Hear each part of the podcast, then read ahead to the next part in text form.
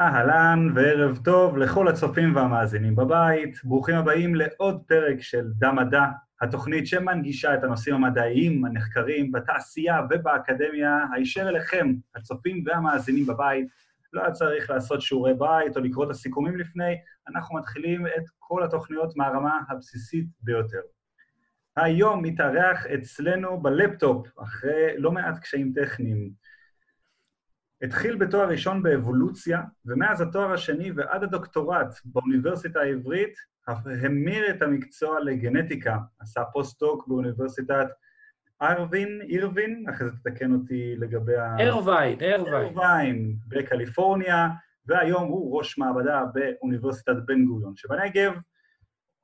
המחקר שלו עוסק באבולוציה וגנטיקה של בקרה ופעילות במיטוכונדריה. אנחנו נבין עוד מעט מה זה גנטיקה ונבין גם מה זה מיטוכונדריה, אבל קודם נגיד ערב טוב לפרופסור דן משמר. ערב טוב, דן. ערב מצוין. מה שלומך? הכל טוב, רק תיקון קטן. התואר הראשון היה בארכיאולוגיה, לא באבולוציה. ארכיאולוגיה, טעות שלי, אבל כן המרת והתמחית בתחום הגנטיקה סבוך, לא פחות. אכן, כן. יפה. אז uh, באמת, נתחיל לאט-לאט, נתחיל מהבסיס. Uh, בואו נתחיל במבוא באמת. בואו נדבר על התא, היחידה הבסיסית שמרכיבה את הגוף. מה יש לנו בעצם בתוך התא? אז זהו, בגוף שלנו, בגוף של אנשים, יש משהו, אדם בוגר, יש לו משהו בסגנון של 30 טריליון תאים. וואו. אנחנו מורכבים מ-30 טריליון תאים, זאת אומרת, פעם הבאה שתסתכלו במיקרוסקופ, ב, סליחה, למה להסתכל במיקרוסקופ? שאפשר להסתכל במראה, זה לא אתם, זה 30 טריליון תאים, זו מושבה אדירה של תאים. עכשיו, כל תא, יש בו שורה של, של אה, בואו נגיד, אפשר להגיד חפצים, זו מושבה אדירה, כמו אצל... באיזשהו סרט מצויר, אני חושב שאני ראיתי מושבות שלמות של, של יצורים שחיים להם בתוך, אה, אה, מתחת למיקרוסקופ להם, ויש שם ספרייה, לזה אנחנו קוראים החומר הגנטי, החומר, החומר התורשתי. הספרייה הזאת מרוכזת לה בתוך הגרעין של התאים שלנו, ויש מעטפת לכל התא הזה, אנחנו קוראים לה ממברנה. יש מקום שבו הספרייה הזאת, שלא עושה שום דבר לבדה, אה, צריך מישהו שיקרא אותה. אנחנו נקרא לו ספרן, אבל בעגה המקצועית קוראים לו RNA. וה-RNA הזה פשוט מצלם קטעים מתוך הספרייה, יוצא לו מתוך הגרעין, ונכנס למכונה שקוראים לה ריבוזום. הריבוזום הזה של עדה יונת, זאת שזכתה בפרס נובל, ומתורגמים להם חלבונים, הם אלה שעושים את העבודה בתא. אבל בשביל לעשות את כל העבודה הזאת צריך אנרגיה.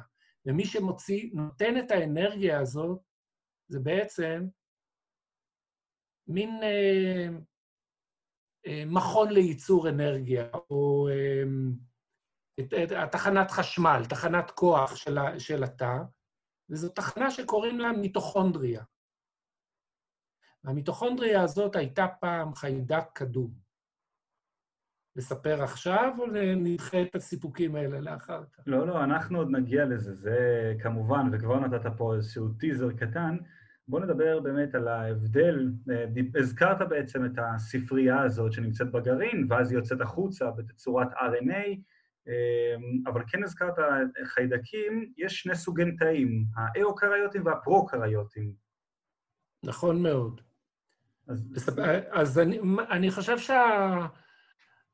אפשר לחלק את החיים על פני כדור הארץ לאלה שמורכבים מתאים, שלתאים שלהם יש גרעין. בלטינית קוראים לזה אאוקריוטים, בעלי הגרעין, והפרוקריוטים, אלה שעדיין אין להם גרעין, גם לא יהיה להם אף פעם גרעין. אלה הם החיידקים. אז בעצם כל מי שאין לו גרעין, הפרוקריות, הוא גם מעולם לא התפתח להיות יצור עם הרבה רקמות. הם okay. אוקיי. כולם יצורים חד-תאיים.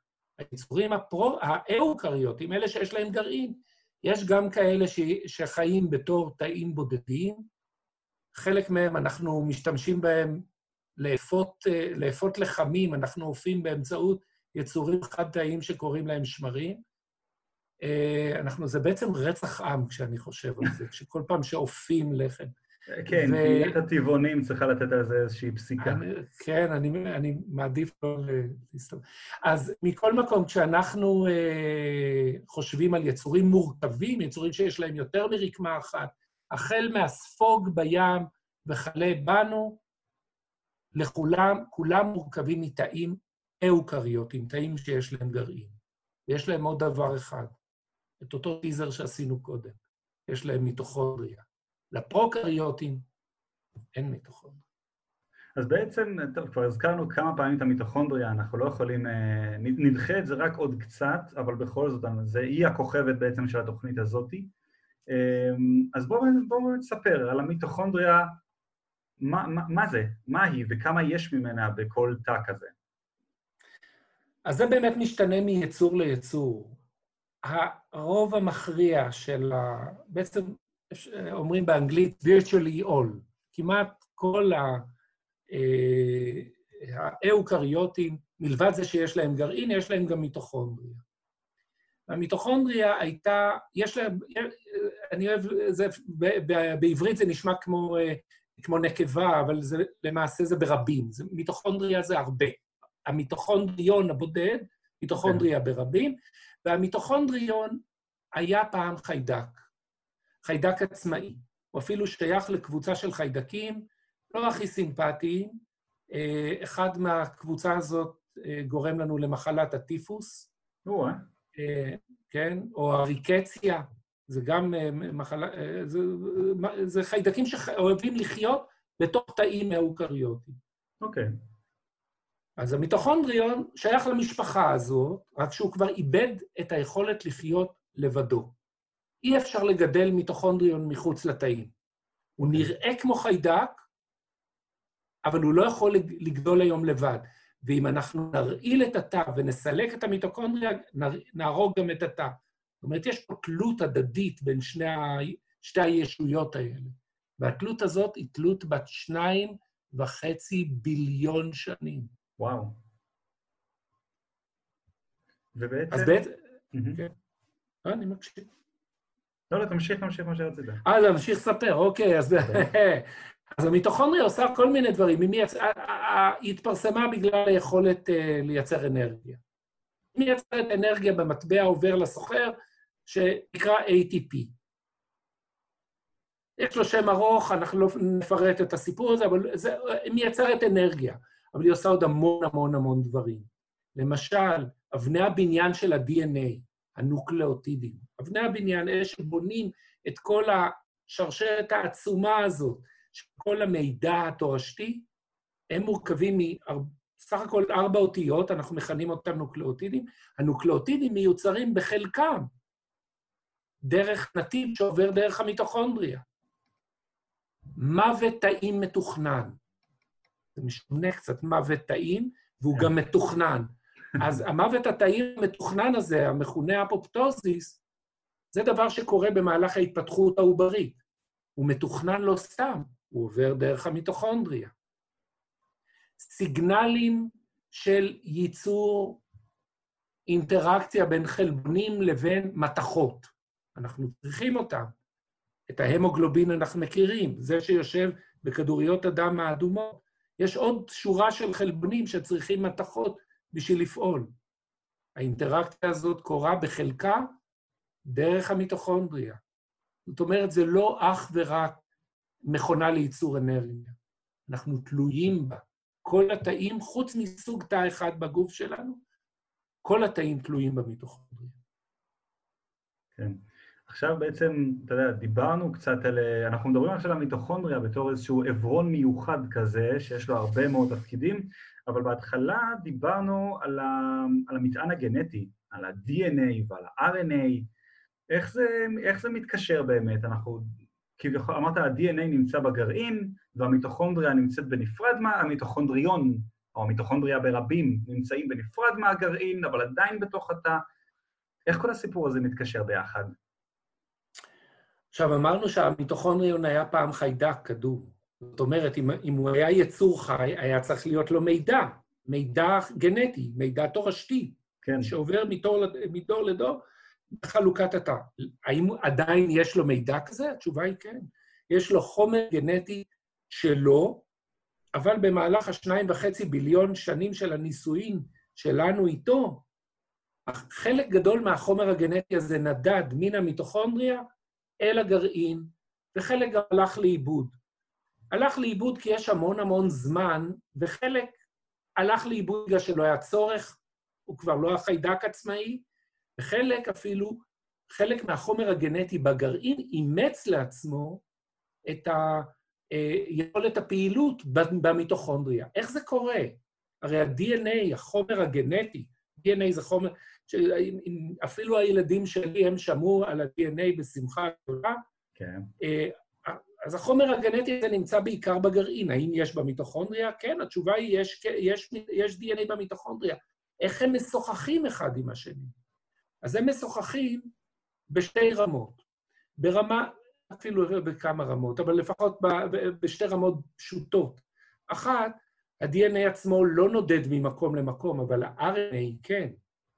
וה-RNA שיוצא מן הגרעין אל, המקום שבו נמצאת המיטוכונדריה, הציטופלזמה, נוזל, אה, הנוזל של התא, אה, הוא מתורגם שם לחלבון. החלבונים נכנסים למיטוכונדריה. ושם הם עוברים אינטראקציה, קישור, עם חלבונים שנוצרים בתוך המיטוכונדריה עצמה. זאת אומרת, בנוסף לריבוזומים, המכונה ליצירת החלבון, ייצור החלבונים, שיושבים, אה, שמתורגמים על סמך מידע שבגרעין, יש גם ריבוזומים של המיטוכונדריה עצמה. הם יושבים בתוך המיטוכונדריה, הריבוזומים האלה. הם כן. מייצרים חלבונים לעצמם. ואז החבורה הזאת של החלבונים הגרעיניים והמיטוכונדריים עוברים אינטראקציה בתוך המיטוכונדריה. מדהים. זאת אומרת שבעצם יש לנו שני מסלולים שנפגשים. אחד, תמיד הוא מתחיל ב-DNA, האחד הוא מהגרעין, יוצא החוצה בתצורת RNA, ומשם במכונת התרגום, הריבוזום של עד היונת, כמובן גאווה ישראלית, מתורגם לחלבונים, ואתה אומר שיש גם מסלול נוסף שגם מערב DNA מיטוכונדריאלי, שאותו דבר, הוא גם כן הולך לתרגום בריבוזומים שבתוך המיטוכונדריה, וכל אלה, זאת אומרת, חלבונים שנוצרו, ישנם חלבונים שנוצרו מחוץ למיטוכונדריה ונכנסים פנימה. מיובאים פנימה, זה פשוט יבוא, בדיוק כמו שאנחנו מייבאים המוני ביצים בימינו אנו, לארץ, המיטוכונדריה מייבאת הרבה מאוד חלבונים פנימה. למעשה, ה-DNA המיטוכונדרי של בני אדם מכיל מידע למעט מאוד חלבונים. הוא מכיל, אנחנו קוראים למידע הזה גנים. והגנים האלה מתורגמים, מתועתקים ל-RNA, מתורגמים לחלבון, סך הכל 37 גנים מקודדים ב-DNA המיטוכונדרי. אבל כדי לייצר, לייצר את העבודה, המיטוכונדריה צריכה עוד 1,500 גנים שמקודדים בגרעין, מתועתקים ל-RNA, מתורגמים לחלבונים ומובלים למיטוכונדריה. אז במיטוכונדריה יש רק 37 גנים, רק 13 מהם מקודדים לחלבון. מעט מאוד מידע, אז יש פה תלות הדדית ברורה בין הגרעין למיטוכונדריה, בין המיטוכונדריה לגרעין. יש גם דרך לשוחח, והשיחה נעשית גם בחלבונים וגם בדרכים אחרות. עכשיו, איזה, יש איזשהם דרכים שאתה כן יכול אה, לפרט? בטח, בוודאי. מעולה. יש, החלבונים שמגיעים מן הגרעין אל המיטוכונדריה, הם חלק מהשיחה בין המיטוכונדריה לגרעין. אבל איך הם יודעים להגיע למיטוכונדריה? איך הם בכלל יודעים להיות, להיות מיוצרים ולהגיע אל המיטוכונדריה? צריך להודיע את ההודעה הזאת. אז יש מולקולות מיוחדות, מולקולות קטנות, small molecules, נו באמת, זה, זה באמת התרגום.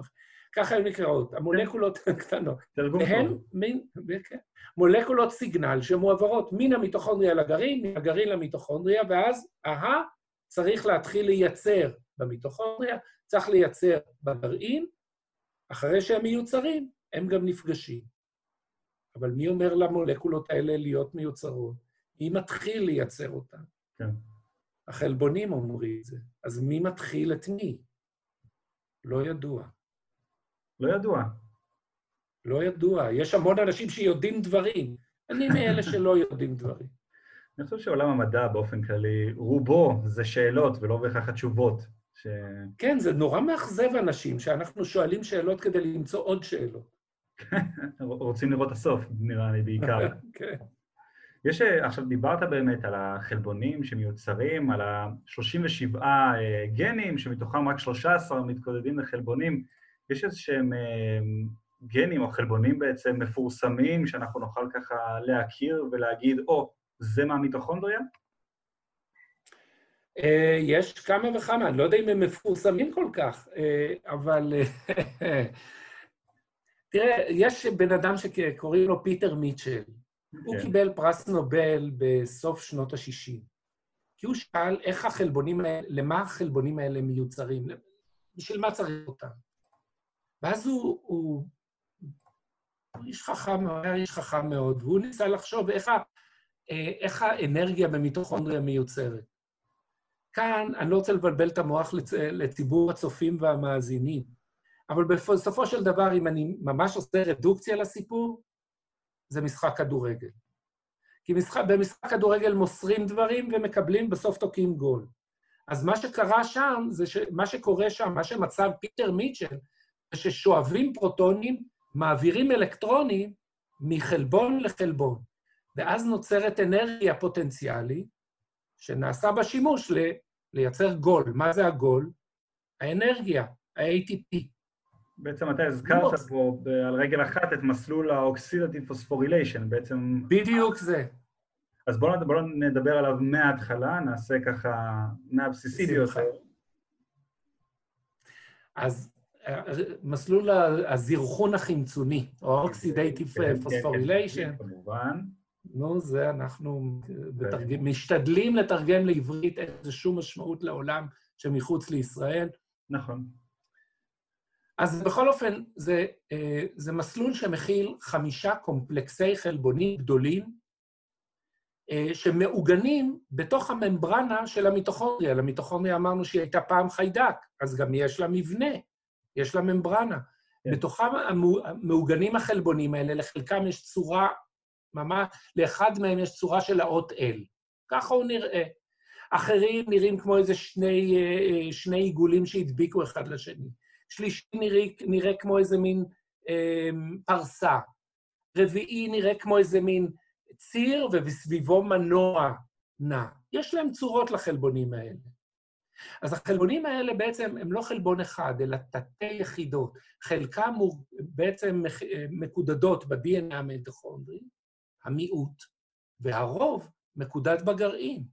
מובל אל המיטוכונדריה, ואז הם עוברים אינטראקציה, מובלים אל הממברנה הפנימית המיטוכונדרית, מתעגנים להם שם, ממש זה, מתעגנים להם שם, ואז הם מתחילים לשאוב פרוטונים, להעביר אלקטרונים, לשאוב פרוטונים, להעביר אלקטרונים, מאחד לשני, עד שזה מגיע אל היצרן של ה-ATP, ה-ATP synthase. זה אותו ציר ומנוע. הוא נע ומייצר ATP, נע ומייצר ATP. איך הוא מייצר את זה?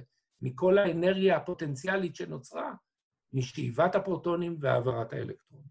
זה ה oxidative phosphorylation. יפה. זה היה מספיק ברור? אני לא יודע אם בלבלתי את המוח. לא, לא, אתה בסדר גמור, ומדובר במסלול מאוד מורכב ולא... בשיעורי ביוכימיה לא מספרים עליו בחמש דקות. כן. אבל נכון. בעצם באמת הפאנץ' הסופי באמת שבזכות ההפרש מטענים הזה, הפרוטונים שמועברים למקום אחד והאלקטרונים שמועברים למקום שני, אתה בעצם יוצר הפרש פוטנציאליים, זאת אומרת, אזור אחד חיובי ואזור אחד שלילי. נכון מאוד. ואז אתה משתמש, בעצם החלבון הבריח הזה, שנקרא ATP סינטז, מסנטז ATP, משתמש בהפרש הזה, בהפרש בין המטענים של האזורים, כדי לייצר את ה-ATP, לייצר אותו. הוא משתמש במטען הזה שנוצר. בדיוק. וכמו שהזכרת... בדיוק. והיופי הוא שזה גם עוזר לנו מטעמים מאוד אגואיסטיים, שאם אנחנו רוצים לצבוע את המיטוקונדריה בתא ולהבין כמה מיטוקונדריה יש בתא, אז אנחנו מכניסים צבען, שפשוט המטען שלו חיובי. אם המיטוכונדריה שואבת פרוטונים החוצה, פרוטונים עם מטען חיובי, זאת אומרת שנשאר מטען שלילי בתוך המיטוכונדריה. כל מה שעלינו לעשות הוא למצוא צבען שהמטען של, שלו חיובי, ושהצבע שלו הוא לפי בחירתנו, יכול להיות אדום או ירוק, אוהבים בדרך כלל אדום או ירוק, זה לא טוב לעברי צבעים, אבל ככה הם בחרו. נכון. ואז הצבעים, ואז החומרים האלה נכנסים למיטוכונדריה, ואז אנחנו יכולים לצבוע את הרשת של המיטוכונדריה בתא. המיטוכונדריה נמצאת ברשת. הן משוחחות אחת עם השנייה ומעבירות דברים אחת לשנייה. מה שחסר לאחת, השנייה לא מקבל, יש שם ממש שיחה. אוקיי, ובעצם כולן, אז בעצם המסלול הזה שתיארת, שהוא באמת ייחודי למיטוכונדריה, עדיין תלוי ב-DNA מהגרעין.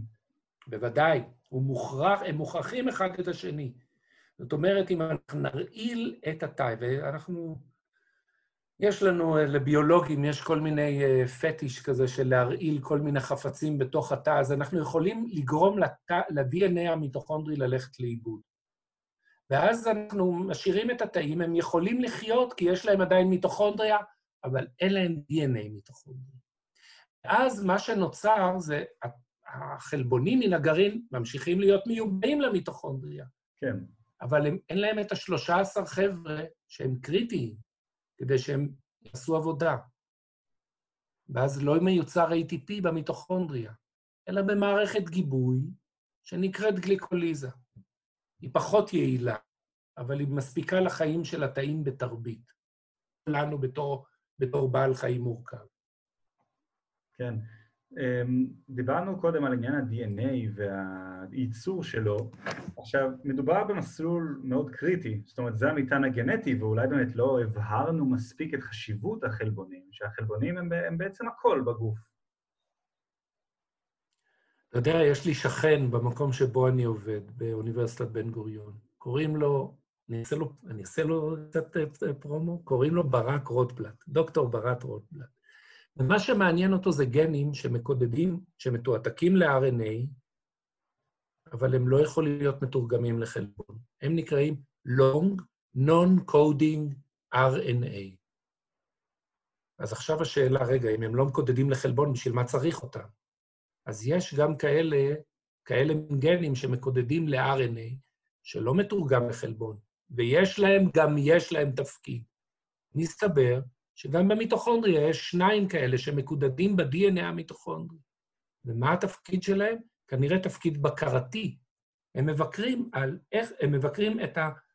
עצם הפעילות של ה-DNA המיטוכונדרי, הבקרה שלו, איך, מתי הוא יפעל, כמה הוא יפעל, וכאלה המולקולות גם קיימות בגרעין, הרבה יותר, והן כן. מבקרות את כל ה-DNA הגרעיני.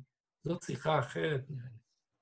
כן, זה באמת בהקשרי סרטן, כי הסרטן הרי בעצם למעשה מדובר במחלה שבאמת יש בה איזושהי מוטציה, שינוי ב-DNA וירידה של הבקרות האלה שבאמת הזכרת קודם. בקרות, יש איזשהו שיתוף פעולה בין הבקרות של המיטוכונדריה לבין הבקרות של הגרעין? פה אנחנו נכנסים לשיחה שייצרה הרבה הרבה ויכוחים בחמישים שנה האחרונות.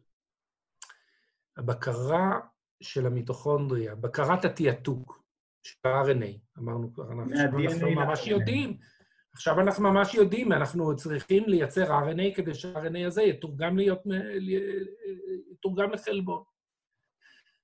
אמרנו שכל מה שמקודד ב-DNA המיטוכונדרי מבחינת חלבונים זה 13 חלבונים, וכולם הם תתי יחידות של ה-Oxidative Phosphorylation.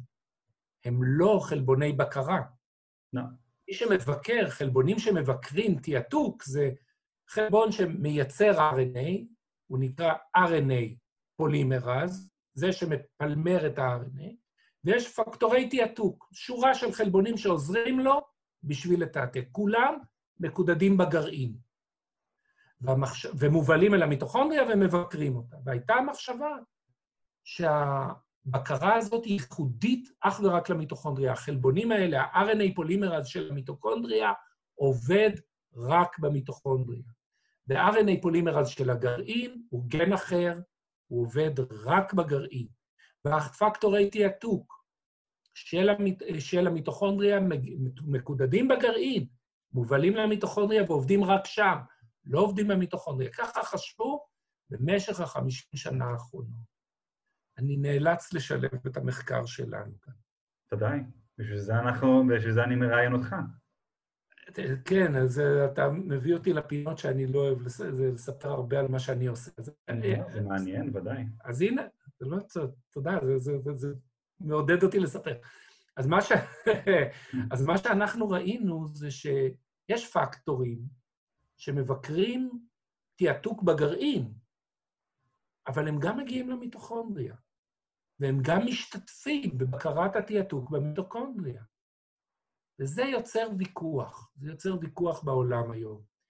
כי הרי 50 שנה חושבים שהמיטוקונדריה יש לה את הבקרה שלה, לגרעין יש את הבקרה שלו. וכל התקשורת היא נעשית באותן מולקולות זעירות שדיברנו קודם, ה-small molecules, אלה שנשלחות הלוך וחזור מן המיטוכונדריה לגרעין. ואנחנו אומרים, לא רק זה, יש פקטורים, שעושים, חלבונים, שנמצאים בגרעין, הם עובדים כפקטורי בקרה בגרעין, אבל הם גם, חלק מהמולקולות האלה מובלות גם לגרעין וגם למיטוכונדריה. מה אתה אומר? אכן כן. זאת אומרת שהסיפור הזה הרבה יותר מסובך ממה שחשבו או רצו לחשוב בחמישים שנה האחרונות. תראה, נורא קל לחשוב על המיטוכונדריה, זה היה פעם חיידק, בטח שאר על הישות, על זכות ההגדרה העצמית, זה דברים שאני אוהב להם. יש לו את זכות ההגדרה העצמית כחיידק עצמאי, והניף את הדגל, אבל מה לעשות, אנחנו לא יכול, הוא לא יכול לחיות בלעדינו. אנחנו לא יכולים לחיות בלעדיו. כן. אני מאוד נזהר פה במילים, אני לא... כדי שלא יהיו אנלוגיות חס וחלילה. אבל אנחנו, אנחנו תלויים אחד בשני, והתלות הזאת היא כל כך ארוכת שנים, שניים וחצי מיליון שנים, שאנחנו צריכים לגייס פה גם את דרווין. ודרווין אמר, צריך להיות אדפטציה. כן. אדפטציה כלשהי, התאמה של אחד לשני. אנחנו חיים ביחד, צריכה להיות התאמה. דרווין לא, היה, לא הבין את הרמה המולקולרית. אנחנו עכשיו בעצם מצליחים לראות דוגמאות לאדפטציה הזאת, ברמה הבקרתית. כן. עכשיו באמת, אני, תהיה שאלה, אני רוצה לשאול אותך באמת, אמ, האם ב, ישנם סליחה, אמ, אני אבחר דווקא, דווקא בשאלה אחרת. אמ, דיברנו על הגנים המיטוכונדריאליים והזכרנו את הסרטן, לא שזה קשור, אבל יש מחלות שקשורות ספציפית לגנים מיטוכונדריאליים שנמצאו בלעדיים? למה אתה מעליב את הסרטן? הסרטן דווקא איזו משפחה איומה, אבל גם היא קשורה למיטוכונדריה. אז אני אשמח מאוד לשמוע. הכל. אבל אתה, אבל אתה שאלת ש... על, על מחלות ש... שקשורות ספציפית למיטוכונדריה. בהחלט. אז כאן יש סיפור, אני אספר אותו קצר, קצר ככל שאני יכול. זאת אומרת שיש לך את ה-30 שעות הקרובות. ודאי, ודאי, אה, אני עם שק שינה. ברור. אז לא, נעשה את זה מאוד מאוד קצר. בעצם יש הרבה מיטוכונדריה בתא, לכל אחד יש את ה-DNA שלו.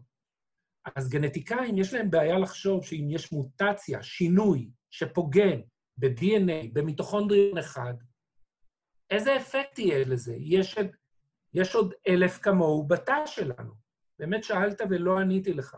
בתאים, בתאים בגוף שלנו, ברוב התאים בגוף יש ממוצע של אלף מיטוקונדריה בכל תא. Oh. ובכל מיטוקונדריון יש בין אחד לעשרה עותקים של DNA מיטוכונדרי. זה המון, המון עותקים. ואילו בגרעין יש שני עותקים, עותק שקיבלנו מאמא ועותק שקיבלנו מאבא. אז כשיש, כשאחד פגום או ששניים פגומים, דפקנו את הכל. כן. עם המיטוכונדריה, דופק DNA מיטוכונדרי אחד מתוך אלפים בתא, איזה אפקט יש לזה? והדבר הזה גרם לגנטיקאים לחשוב במשך שנים ששום שינוי, מוטציה ב-DNA המיטוכונדרי לא תגרום לשום אפקט. כי הרי זה בטל ב... לא אגיד בטל ב-60, בטל באלפים. כן. עד 1988. ב-1988 נתגלתה מוטציה, אני כבר יכול להגיד את המילה מוטציה, ב-DNA המיטוכונדרי, שגרמה לעיוורון. עכשיו, איך זה יכול להיות? הרי הרגע אמרנו, אם מוטציה ב-DNA מיטוכונדרי אחד, מתוך אלפים, לא תעשה שום דבר. התשובה היא נכון, אבל ה-DNA הזה יכול להשתכפל עוד ועוד ועוד ועוד, ואז נוצר מצב שהחלק היחסי של ה-DNA הפגום עולה על רמת ה-DNA התקין. וכשהוא ברמה מאוד מאוד גבוהה בתא, טראח יש לנו אפקט. והאפקט הוא, אם זה קורה ברקמות שקשורות לראייה, נדפקנו, ואז אנחנו לא רואים טוב. אז זה היה, זאת איזו מוטציה של עיוורון. יש לזה שם ארוך, אבל זה עיוורון מאוד ספציפי. ומאז נתגלו למעלה מ-100 מוטציות שונות שגורמות למחלות, הם, חלקם הם ספציפיות לרקמה מסוימת, כמו העיוורון, כן. אבל חלקם הם סינדרומים מאוד מורכבים של אפקטים בלב ובכבד ובשרירים, כי המיטוכונדריה צריכה לייצר אנרגיה בכל הרקמות הללו. זאת אומרת שבאמת ממוטציה, שינוי ב-DNA, במיטוכונדריון אחד, רקמה שלמה הצליחה להיפגם מזה. אז זה, הדבר הזה בדיוק, זה תמיד איפשהו צריך להתחיל. המות... הפגם הוא לא משהו שאפשר לפנות איתו בקלות, אבל אז איך הוא, אז איך הוא בכלל עובר לדורות הבאים? נכון, גם שאלה, דיברנו על זה. אנחנו לא דיברנו על זה, אבל אנחנו גם לא אמרנו, הרי המיטוקונדריה מורשת רק מן האימא שלנו. פה אנחנו צריכים להתחבר לצד, לצ, לצד הנשי של, ה, של ההורים שלנו. ודאי. את ה-DNA, את ה-DNA, כן.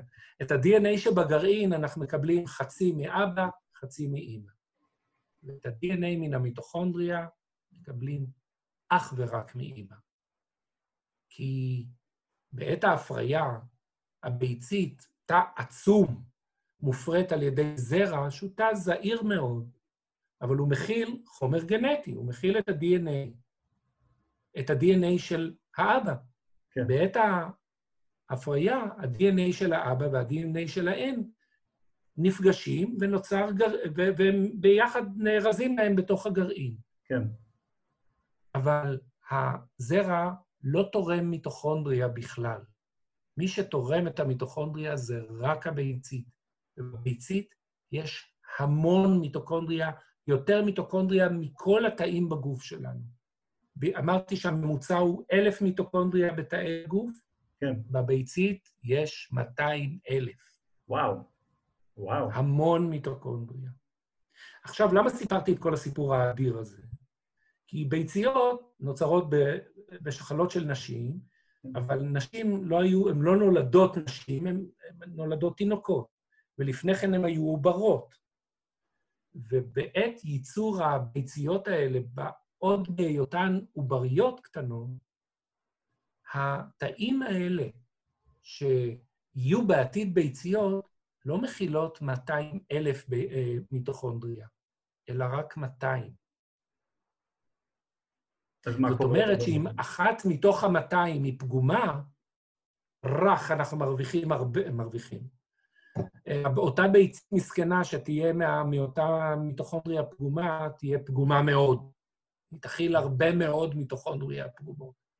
ואם אותה ביצית היא זאת שתופרה על ידי זרע, נולד לנו ילד עם מחלה. איזה... וזה קורה. זה נשמע כאילו נורא אקראי, זה קורה. זה קורה אחת לחמשת אלפים לידות. תוכל לחזור רק מה, על הפאנץ', הילד שנולד בסוף, אני לא שמענו את זה כל כך טוב. אה, סליחה, הילד שנולד בסוף, אם יש אחוז גבוה של מיטוקונדריה פגומות בביצית, יהיה לו אחוז גבוה של מיטוכונדריות בכל התאים שהתפתחו מהביצית המופרית הזאת. זאת אומרת, בכל הגוף שלו. אבל הרמות של המיטוקונדריה הפגומות, אחוז שלהן, משתנה בין רקמות שונות. הוא יכול להיות מאוד גבוה או מאוד נמוך, כי כל חלוקת תא, החלוקה היא פחות, אף אחד לא בא וסופר, אה, רגע, יש פה מיטוכונדריות פגומות או תקינות. פשוט מחלקים את זה לשניים. אז חלק מהתאים בגוף יכילו יותר פגום, וחלק יכילו פחות פגום. כן. ככה, אנחנו, ככה נולדים ילדים פחות, אה, פחות עם מזל טוב. הבנתי, זה במילים עדינות, אה, פחות מזל טוב. עכשיו, יש איזשהן תופעות גם שקורות משיתוף הפעולה הזה בין ה-DNA הגרעיני לבין ה-DNA המיטוכונדריאלי? בוודאי. למעשה, אנחנו יכולים אה, אם אנחנו פוגמים באינטראקציה הזאת בין חלבונים שמקודדים ב-DNA המיטוכונדרי וחלבונים שמקודדים ב-DNA הגרעיני, אנחנו פוגמים בייצור ה-ATP, בייצור, ה- ב- ב- בייצור האנרגיה. Mm-hmm. ואז אנחנו מקבלים, אנחנו יכולים לקבל, יש שורה של מחלות שיכולות להיגרם מזה. הן גם אה, יכולות להיות ספציפיות לרקמה, אבל ברוב המקרים אלה זה, אלה מחלות שאנחנו קוראים להן סינדרומים, כי הן פוגמות בשורה של אה, איברים בתא, של, ש, ש, בגוף, סליחה, שורה של רקמות ואיברים בגוף. למשל סוכרת.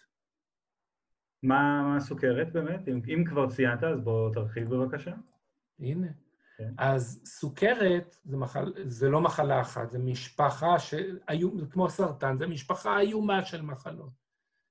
במשפחה, כדרכם של משפחה, יש שונות, אבל כולם, יש להם משותף אחד, פשוט רמת הסוכר של החולים גבוהה בדם שלהם. עכשיו, יש אה, סוגי אה, סוכרת, סוכרת נעורים, כאלה שהפגם הוא בכלל ביכולת ההפרשה של אותו הורמון שאנחנו קוראים לו אינסולין. כן. אבל הסוכרת של הגיל המבוגר היא לא פגם גדול בהפרשה של האינסולין, אלא ביכולת של התאים לקלוט, לספוג את עודפי הסוכר שיש לנו בדם. וחלק מהפגמים האלה, שאנחנו קוראים להם סוכרת, הם פגמים בייצור האנרגיה במיטוקונדריה. כי מי שמאפשר את שאיבת הסוכר הזה לתוך תאים, בדרך כלל לתוך תאי השריר, מי שמאפשר זה מכונה שדורשת אנרגיה. ומאיפה האנרגיה תגיע? מהמיטוקונדריה. בעצם ברגע שאתה הורס את המנוע, את הדבר שנותן לך אנרגיה, או את הדלק יותר נכון, המנוע לא ייסע. הזכרת סרטן קודם, איך הוא מתקשר לתהליך? יפה. הרבה מסוגי הסרטן, זה באמת עניין לשיחה אחרת, אבל אני אקשר את זה למיטוכונדריה, כי... בקטנה. שזה אנחנו פה. בדיוק. אה, הרבה מסוגי הסרטן הם בדרך כלל מופיעים בגיל המבוגר. וסרטן של הגיל המבוגר לא נגרם, הוא, אה, הוא, הוא לא נגרם ממוטציות מורשות בדרך כלל, הוא בדרך כלל מהצטברות של שינויים, מוטציות, ב-DNA שלנו. מאיפה מגיעים השינויים האלה? השינויים האלה נגרמים, בין השאר, אה, מזה שפשוט המכונה, המכונה של התיקון של ה-DNA עובדת פחות טוב. אבל היא יכולה גם להיגרם, העלייה ברמת השינויים יכולה להיגרם כתוצאה ממולקולות שמיוצרות במיטוקונדריה, חלק מתוצרי הלוואי של ייצור ה-ATP. כמו כל מנוע, אם אנחנו לוחצים על הגז, אנחנו זזים עם, עם, עם המכונית קדימה. ואם אנחנו לוחצים יותר מדי על הגז ויותר מדי זמן, באיזשהו שלב יוצא עשן מאחור. כן. בשפה של התא, אנחנו קוראים להם רדיקלים חופשיים של חמצן, או Reactive Oxygen Species. אותם אלמנטים יכולים להיות אלמנטים מזיקים, ויכולים להיות גם מולקולות שמעבירות מידע, סיגנל. אז כשהם מזיקים, הם שוברים DNA. הם שוברים DNA, הם גורמים לנזקים. הנזקים האלה לפעמים מתוקנים יפה, ולפעמים לא. כשהם לא מתוקנים יפה, אנחנו מקבלים שורה של מחלות. חלק מהן הן מחלות של הגיל המבוגר, הזדקנות פשוט. כן. אבל כשזה לא מתוקן יפה, לפעמים הדברים הלא נכונים מודבקים לדברים הלא נכונים. ואז אתה יוצא מאיפוס, ואנחנו מקבלים סרטן. כן. ו... הנה קישור קצת רחוק של המיטוכונדריה אל הסרטן. לא, ובכל זאת, ובכל זאת זה כן חשוב לציין. כמובן שמי שרוצה לשמוע עוד על אה, מחלת הסרטן, מוזמן להיכנס לשתי תוכניות קודמות שהיו לנו ולשמוע על סרטן וגם על סרטן השד, שהיה איתנו פרופסור אילן צרפתי, וגם על מחלת הסכרת, מוזמן לשמוע את תוכנית קודמת, זה היה ככה פרסום קטן לפרקים קודמים שהיו. חזרה אלינו, האם יש דמיון, דיברת על מחלות, וכן דיברנו על הקשר, ה... הזכרנו את המילה אבולוציה, האם יש דמיון בין מחלות לאבולוציה? איך אפשר ללמוד את זה באמת מהמיטוכונדריה? זו שאלה מצוינת, ואני יכול לתת לך דוגמה נהדרת. יש מוטציות שגורמות, דיברנו על קודם מוטציות ב-DNA המיטוכונדרי שיכולות לגרום למחלות, בני אדם. אתה יודע שחלק מהמוטציות האלה קורות בגנים, ב-DNA המיטוכונדרי. חלק, חלק מהמוטציות האלה נתגלו בפילים, בצורה נורמלית לחלוטין. הפילים, טוב להם בחיים. יש להם את המוטציות האלה בדיוק, אז למה הם לא חולים? Hmm. אוקיי. Okay. אז כאן נשאלת השאלה, זאת אומרת, הרי יש פה מוטציה שיכולה לגרום למחלה בבני אדם, מחלה לא סימפטית בכלל, וכשאותה מוטציה נמצאת ב-DNA המיטוכונדרי, שגם בפיל מייצר, הוא מייצר אנרגיה, למה היא לא גורמת למחלה? כאן אנחנו שוב מגייסים את דרווין. ואז מסתבר שאותן מוטציות שגורמות למחלה, בקונטקסט אחד, שזה האדם, בקונטקסט אחר, מה זה הקונטקסט האחר? זה קומבינציה אחרת של מוטציות שמגדירה את הפיל כפיל, והוא שונה מאוד מאיתנו. הקונטקסט הזה דווקא טוב למוטציה הזאת לחיות טוב, היא אפילו משפרת את פעילותו של ה-DNA המיטוכונדרי. אז זה שני צדדים של אותה מטבע, מוט... של אותו המטבע. מוטציה שתגרום למחלה בקונטקסט אחד, יכולה לגרום לשיפור פעילות בקונטקסט אחר. זה רק דוגמה במיטוכונדריה, יש עוד המון דוגמאות שהן לא מיטוכונדריות, אבל אנחנו מדברים על המיטוכונדריה. ודאי.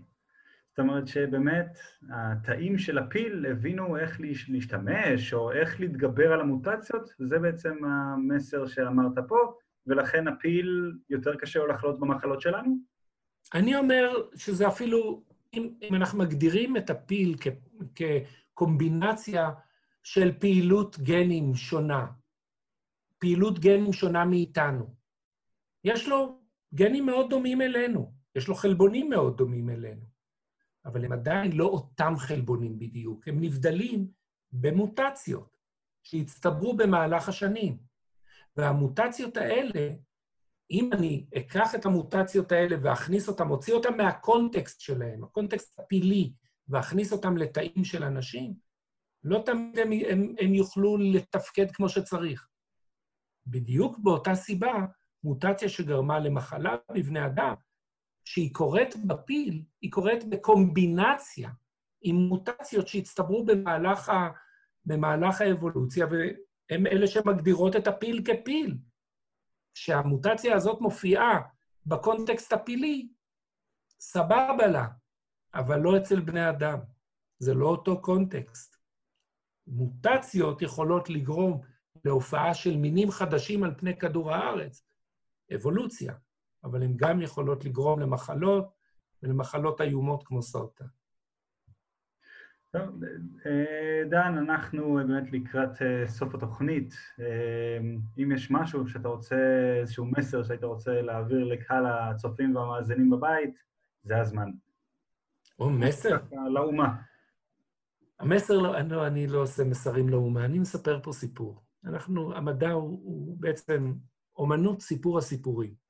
יש כאלה שיגידו, זה חיפוש האמת. אני אוהב להגיד שאנחנו שואלים שאלות מובילות לעוד שאלות. והשאלות שאנחנו שואלים, מדע בסיסי לחלוטין, הן איך פועלים, איך פועלים אה, אלמנטים בתוך התא, איך האלמנטים האלה שפועלים, מצד אחד כשהם פגומים יגרמו למחלות, מצד שני יגרמו להופעה של מינים חדשים על פני כדור הארץ. האם הדבר הזה ישים להתמודד עם מחלות היום? האם אנחנו מוצאים תרופות? לדבר שאנחנו עושים קוראים מדע בסיסי. והמדע הבסיסי בלעדיו, הידע שעל בסיסו מפתחים תרופות, לא קיים.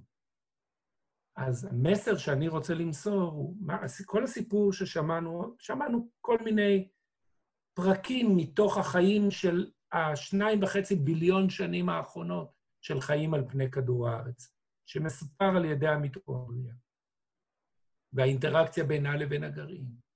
זה נשמע כאילו תלוש מן המציאות וסיפורי דרווין בלבד, אבל בלי הידע הזה, אנחנו לא יכולים לפתור בעיות יומיומיות, כמו הדבקה של וירוס, אמרנו. גם, זה, גם זה קשור למיטוכונדריה. שיחה אחרת. אתה חייב, אתה לא יכול לזרוק אה, כזה דבר לאוויר ולא לספר. זה באמת, זה אנקדוטה בלבד. ודאי. הסארס, אותו וירוס שגרם ב-2002-2003 אמ, למחלת ריאות מאוד לא סימפטית באסיה, והרג משהו כמו 700 איש, והדביק אה, לא, הרבה יותר מזה, אבל לא יצא הרבה מאסיה. חקרו אותו לא מעט. אותו סארס הוא קרוב משפחה של וירוס הקורונה, שאנחנו היום חיים אותו קצת אה, בצורה לא סימפטית. הוא דומה מאוד לו. אותו סארס מכיל, הוא, יש לו RNA, הוא בנוי מחומר תורשתי שנקרא RNA. הוא לא חי לבדו, הוא טפיל. יש בו מעט מאוד גנים. הגנים שמקודדים בגנום, באוסף, באוסף החומר התורשתי של הסארס, איפה הם פועלים בתא? על מי הם משפיעים? מחציתם, אי אפשר להגיד מחציתם, כי יש 15 גנים בגנום הזה, קרוב למחציתם, כן. מתורגמים לחלבונים ומובלים למיטוכונדריה ומשפיעים על פעילותה. היינו צריכים להתחיל עם כזאת אה, אנקדוטה. אבל זה אחלה סיום. אם כן, אנחנו הגענו לעוד אה, סוף של פרק, של תוכנית של דם מדע. המון תודה לפרופסור דן משמר מאוניברסיטת בן גוריון שהתארח וסיפר לנו על המיטוכונדריות, הגנים המיטוכונדריאליים ואיזה נזק הם יכולים לגרום. תודה רבה לכם המאזינים והצופים שהייתם איתנו, ונשתמע, יאללה ביי.